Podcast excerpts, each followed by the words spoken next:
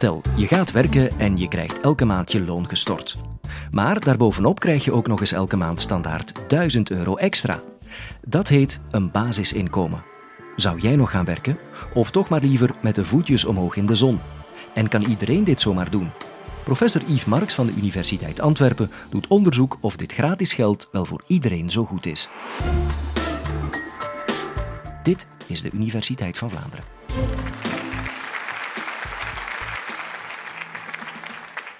Geld voor niks. Wat denkt u daarvan? Elke maand 4, 500, 800, 1000 euro op de rekening zonder dat er een tegenprestatie gevraagd wordt. Iedereen krijgt het. Er zijn geen voorwaarden aan verbonden. Of u al veel geld heeft of, of weinig geld, u mag Mark Koeken zijn en al een miljard op uw rekening staan hebben, iedereen krijgt dat bedrag. Wie vindt dat uh, een goed idee? Ja, ongeveer de helft vindt dat een goed uh, idee. Het idee heet natuurlijk het basisinkomen. En dat basisinkomen dat is een, uh, een idee dat niet nieuw is. Wel, 200 jaar geleden, meer dan 200 jaar geleden, waren er denkers en filosofen zoals Thomas Paine uh, die een, een, basisinkomen hebben voorgesteld. Uh, er zijn ondertussen politieke partijen voor opgericht. Er zijn politici die eigenlijk bijna als enige punt hebben de invoering uh, van dat basisinkomen. Er bestaat zelfs een, een planetaire beweging voor. Ze noemt zichzelf een planetaire beweging voor het basisinkomen. Gek genoeg zijn miljardairs die voorstander zijn uh, van het uh, basisinkomen en uh, die zelfs experimenten financieren in landen zoals Indië en, en Kenia om te kijken van, van wat doet zo'n basisinkomen nu. Er zijn landen, Finland, Nederland, waar op dit eigenste moment experimenten worden gevoerd met dat basisinkomen. Of tenminste dingen die een beetje uh, lijken op een basisinkomen. Zwitserland vroeg aan de bevolking, wilt u een basisinkomen? 80 procent zei nee, 20 procent zei ja. Nu, het is een uniek idee uh, en een idee dat ook blijft komen, omdat het uh, mensen van links en mensen van rechts verenigt. Ja, mensen van links die zeggen er is heel veel welvaart in de, in de wereld, er is heel veel rijkdom, maar die rijkdom is heel ongelijk verdeeld. Er is een heel grote kloof tussen mensen die nagenoeg niks hebben en mensen die heel veel hebben. En eigenlijk heeft iedereen recht op tenminste één klein stukje van die koek. En daarom staan ze het basisinkomen voor. Mensen van rechts die benaderen het anders. Die zeggen eigenlijk onze huidige welvaartsstaat, onze huidige sociale zekerheid, daar lopen we mee vast. Dat hangt in de woorden van sommige mensen aan een infuus. We geven ze een uitkering, maar we stimuleren mensen niet echt om zelfredzaam te worden, om uh, te gaan werken. dus het is niet, onze huidige welvaartsstaat is niet heel emancipatorisch, is niet heel bevrijdend. dus voor de ene is dat basisinkomen rechtvaardigheid, voor de andere is het vrijheid. Nu, u kan zeggen, wat dat nu voor een gek idee? Zo'n basisinkomen. En ik zie al wat aarzeling hier. Nu, heel veel ideeën waren ooit te gek. Het idee dat iedereen een politiek basisrecht heeft, iedereen een stem heeft in het politieke proces, dat was ooit een gek idee. Het idee dat onafhankelijk van hoe rijk of arm men bent, hoe slim of minder slim eh, men is, hoe politiek geïnteresseerd of totaal politiek apathisch. Het idee dat iedereen één stem heeft, één basisrecht, was ooit een heel radicale idee. Het is nog maar van 1918 dat er algemeen enkelvoudig stemrecht is, het principe van één persoon, één stem. 1918 voor mannen, 1948 pas, 70 jaar geleden, voor eh, vrouwen. En ondertussen kunnen we ons niet meer voorstellen dat het eh, ooit anders was. We vinden dit nu evident. dus iedereen heeft, een, heeft juridische basisrechten, iedereen heeft politieke basisrechten. Waarom dan geen eh, economisch basisrecht? Goed. Feit 1. Er is heel veel ongelijkheid eh, in de wereld. Oxfam heeft berekend dat de rijkste acht mensen in de wereld dat die ongeveer zoveel bezitten als de armste helft van de wereld. Acht mensen bezitten ongeveer zoveel als 3,6 miljard mensen. Zo ongelijk is de wereld. En als dat cijfer al niet helemaal klopt, dan zal het er niet ver langs zitten. In België, wij zijn welvarend, wij zijn vrij gelijk, maar de kloof tussen mensen aan de bovenkant, de rijken, en de mensen die minder geld hebben, ja, dat is nog een heel grote uh, kloof. Het is ook een feit, waar basisinkomenvoorstanders vaak op wijzen, dat heel veel van die rijkdom, die geconcentreerd zit bij een kleine groep, dat veel van die mensen daar zelf weinig verdiensten aan hebben. Heel veel rijkdom is geaccumuleerd over vele generaties en veel van die rijkdom is overgeërfde rijkdom. Mensen zijn welvarend als ze het geluk hadden in het juiste gezin geboren te worden. En zelfs van de, de nieuwe rijkdom, die nieuwe multimiljardairs, de Mark Zuckerbergs van deze wereld, de Elon Musk, de man die als hobby heeft zijn wagens in de ruimte te schieten, mensen die op, op jonge leeftijd zeer rijk zijn geworden, multimiljardair, ja, vaak hebben die mensen dat toch gerealiseerd met, met één idee, met op een juiste moment op de juiste plaats te zijn. Mark Zuckerberg, die op zijn studentenkamer zat en geen zin had om naar de les te gaan en dacht ik ga iets een sociaal netwerk uh, oprichten. Ja, en dat wereldwijd is overgenomen. En de man wordt nu wordt rijker en rijker, accumuleert die miljarden zonder dat hij daar nog veel inspanning voor moet doen. En het gekke is dat veel van die mensen zelf daar zich blijkbaar wat onbehagelijk bij voelen. Een aantal van de grote voorstanders van het basisinkomen zijn precies die multimiljardairs die ook die experimenten financieren eh, in een aantal eh, landen. Ze voelen zich onbehagelijk. Misschien zijn ze ook gewoon bang. Een van die miljardairs geeft eigenlijk ronduit toe van al die groeiende ongelijkheid in de wereld, dat dreigt ontwrichtend te worden. Groeiende ongelijkheid dreigt onze samenlevingen te destabiliseren.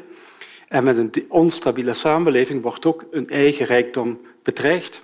En natuurlijk ze hebben ook een evident eigen belang in zo'n basisinkomen. Want ja, als er een grote groep van mensen is die niks heeft, beter ze een basisinkomen geven, zodanig dat ze geld hebben om te consumeren en de dingen te kopen waar eh, die mensen eh, rijk mee worden. Er is tegelijkertijd, en dat is het andere feit, er is heel veel uh, armoede. We hebben veel vooruitgang geboekt over de laatste decennia. Zeker wereldwijd is de armoede enorm afgenomen. Maar er blijft nog veel armoede. Zeker ook in een land als België. U weet, 15 procent van de Belgen, het is een veelgenoemd uh, cijfer, 15 procent van de Belgen zijn arm. Dat is meer dan anderhalf miljoen mensen die echt financieel uh, heel krap zitten. En er worden grote verklaringen gemaakt door politici. We gaan de armoede halveren en we gaan dit doen en dat doen. Maar eigenlijk gebeurt er uh, niet veel. We zitten daar een beetje moeilijk, omdat aan de ene kant we weten dat de uitkeringen te laag zijn, dat er te veel mensen in armoede leven, maar tegelijkertijd durven we de uitkeringen ook niet verhogen, want als we die uitkeringen verhogen, gaan mensen dan nog uh, werk uh, zoeken? Gaan ze nog minder interessante jobs uh, willen aanvaarden. Dat is, um, dat is een, een, reëel uh, dilemma waar we mee uh, zitten. Het basisinkomen verandert met name voor die mensen de situatie radicaal. Mensen die nu van een uitkering leven en vaak in armoede leven, voor elke euro die ze verdienen, verliezen ze vaak een euro van een uitkering. Mensen die de overstap maken van ik ga een beetje werken, betekent vaak gedeeltelijk of geheel verlies van een uitkering. En daarom blijven mensen vaak in die situatie zitten. Ze kiezen voor het zekere, voor die uitkering die vaak te laag is, maar ze kiezen voor het zekere dan bijvoorbeeld een beetje geld, al is het maar deeltijds, te gaan bijverdienen. Een basisinkomen zou die situatie radicaal wijzigen, omdat elke euro die men verdient, die mag men houden. En dus is het aannemelijk dat zeker mensen die nu vastzitten in die uitkering, in vaak een uitzichtloze situatie, dat voor hen de situatie uh, zal veranderen. Nu, de grote vraag, dat is wat de critici opwerpen, die zeggen van, maar wie zou nog gaan werken met een basisinkomen? Als iedereen een basisinkomen heeft, waarom zou je dan nog gaan werken?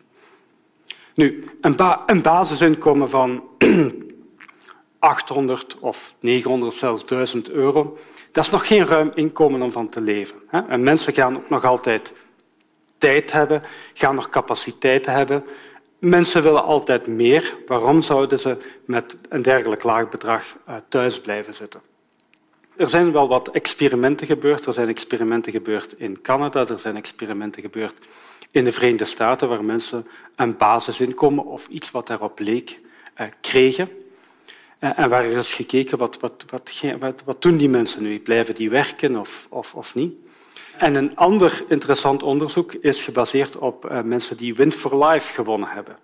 Dat is iets bij de lotto, waarbij men in de plaats van een heel groot bedrag te krijgen, elke maand voor de rest van zijn leven een welbepaald eh, bedrag krijgt. Een soort van basisinkomen. En onderzoekers hebben gekeken van die mensen die eh, Win for Life winnen, wat gaan die nu doen? Blijven die werken of blijven die niet werken? En bovendien, Win for Life, dat gaat over behoorlijk substantiële bedragen per maand. En wat men zag, was dat mensen bleven werken. Vrijwel iedereen die Win for Life won, die bleef aan de slag. Wat ook heel logisch is. Mensen hebben tijd, mensen hebben capaciteiten. En als ze nog wat geld kunnen bijverdienen, eh, waarom zouden ze het dan eh, niet doen?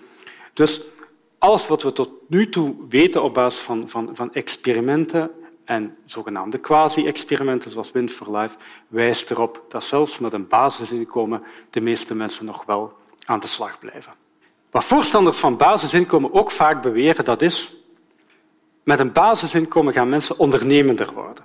Ze gaan dat idee waar ze al, al jaren mee zitten, ehm, dat winkeltje dat ze willen openen of een ander idee waar ze mee zitten, die onderneming, die, ze, die eigen zaak die ze willen starten, ze gaan meer geneigd zijn om dat te doen, omdat ze toch altijd dat basisinkomen hebben om op terug te vallen. Ze hebben die economische eh, zekerheid. Er wordt ook gezegd mensen zullen zorgender worden, omdat ze hebben dat basisinkomen. Ze gaan meer zorg dragen voor hun kinderen, voor hun naasten, misschien voor een zieke buur. Ze gaan misschien meer vrijwilligerswerk doen. Ze gaan misschien meer creatief worden. Ze gaan, in essentie is daar het argument van het gaan betere mensen worden. Nu, daarover weten we ook wel wat op basis van die experimenten. Ook daar is naar gekeken van worden mensen nu ondernemender? En daar zien we eigenlijk niet zo heel veel eh, aanwijzingen voor. Dus net zoals het feit is dat mensen niet minder gaan werken, maar ze worden ook niet noodzakelijk eh, veel betere mensen. Nu, er moet wel bijgezegd worden, dit is op basis van de experimenten die tot nu toe gebeurd zijn. Dat zijn vaak heel kleinschalige en vooral, heel belangrijk, tijdelijke experimenten geweest. Want hè, mensen gaan zich toch anders gedragen indien ze weten dat het iets is dat, dat blijvend is, dan iets dat gewoon eh, in een, eh, voor een experiment voor een aantal jaren wordt gedaan. Nu, wat in elk geval zeker is, wat ook vaak wordt aangevoerd, is dat een basisinkomen minder overheidsbemoeienis gaat met zich meebrengen. Indien men een basisinkomen heeft, dan moet er niet constant gekeken worden. Indien mensen een tijdkrediet eh, aanvragen of ze vragen een andere uitkering aan, dan moeten er heel veel formulieren ingevuld worden. Dan moeten er vragen beantwoord eh, worden. Vaak gaat men een middelonderzoek doen. Hoeveel inkomens heeft men al? Dat wordt allemaal veel eenvoudiger met een basisinkomen. Een ander punt dat critici vaak maken, dat is zo'n basisinkomen dat volstrekt onbetaalbaar. Nu, heel veel, de realiteit is dat heel veel betaalbaar is als we maar hard genoeg willen. We hebben, als we ons nationaal inkomen per hoofd, als we dat gelijk zouden verdelen, dan komen we ongeveer aan 3000 euro, meer dan 3000 euro per maand per hoofd van de bevolking. Kinderen, en ouderen meegerekend. we zijn dus collectief wel behoorlijk eh, rijk. Nu, we weten dat samenlevingen waar iedereen hetzelfde inkomen heeft, stel dat we dat hypothetisch zouden doen, dat dat geen samenlevingen zijn die goed functioneren. Dat is ooit geprobeerd onder het communisme, iedereen min of meer hetzelfde. Dat zijn geen samenlevingen waar mensen gelukkiger werden en het waren ook eigenlijk geen samenlevingen die goed functioneerden het leidde eigenlijk tot collectieve verarming. Dus dat lijkt niet erg realistisch. Maar samenlevingen waar mensen hoge belastingen betalen, waar de zwaarste schouders, de mensen die het meest getalenteerd zijn, mensen die het meeste kunnen verdienen, waar die behoorlijk hoge belastingen betalen, dat zijn wel samenlevingen die functioneren. Vaak hebben economisten, zeker van de rechterzijde, geroepen van hoge belastingen, dat maakt landen minder economisch dynamisch, dat gaat wegen op de groei.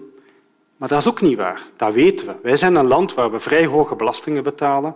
Er zijn nog andere voorbeelden te noemen van landen waar de belastingdruk hoog is, maar landen die ook economisch perfect uh, functioneren, die dynamisch zijn, die innovatief zijn, waar iedereen uh, vooruit gaat. Dus als we willen, dan kan er voor veel uh, betaald worden. Nu, als men vraagt in een peiling van wilt u een basisinkomen, dan zijn er vaak redelijke meerderheden. Hier was het ongeveer 50-50. Er is recentelijk een peiling geweest, Europees, eh, waarbij aan een representatief staal van de bevolking gevraagd van wilt u een basisinkomen? En daar kwam voor België ongeveer een, een lichte meerderheid uh, uit. Er werd niet bijgevraagd, maar wilt u dan ook meer belastingen betalen? Dan ga ik misschien de vraag nu stellen. Wie zou voor een basisinkomen zijn indien het ook betekent dat de belastingen omhoog gaan? Ja, nu wordt het al, uh, zie ik al veel minder uh, handen naar boven gaan. En dat is natuurlijk de crux van de kwestie.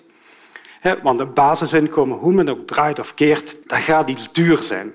En we hebben ook nog geld nodig voor, om voor onderwijs te betalen, voor gezondheidszorg, voor wegen, voor infrastructuur. Dus we hebben ook nog veel belastingsgeld nodig voor andere dingen die we waardevol vinden. Een stuk van de sociale zekerheid, daar kunnen we misschien van af. Dat kan vervangen worden door dat basisinkomen, maar heel veel andere dingen eh, niet. En maak u geen illusies het idee dat men geld kan gaan halen bij die topvermogens, bij die hele rijken. Men probeert dat al jaren en decennia. Daar zijn toch wel wat beperkingen eh, op. Dus gaat dat basisinkomen er nu ooit komen? Aan de ene kant, ja, er is groeiende steun, maar nog heel veel mensen blijven tegen. Het is een idee dat al lang meegaat. En we zien eigenlijk, het gaat op en af. Het is al veel decennia dat dat idee opkomt en dan gaat het weer wat liggen en dan begint de discussie helemaal van vooraf aan. Maar we kunnen wel vaststellen dat de golven waarmee het idee opkomt, dat die groter en dat die krachtiger worden. Dat is een belangrijke vaststelling. En ik denk dat dat komt omdat in zekere zin dat basisinkomen een volgende logische stap is in de emancipatie en de vrijmaking van de mens. Juridische basisrechten, politieke basisrechten. Waarom dan geen economisch basisrecht? Het zal van u afhangen, maar denken van dit idee is te gek, het is onhaalbaar, het is onbetaalbaar, Misschien, maar zoals gezegd, dat dacht men uh, over veel ideeën ooit. Dank u wel.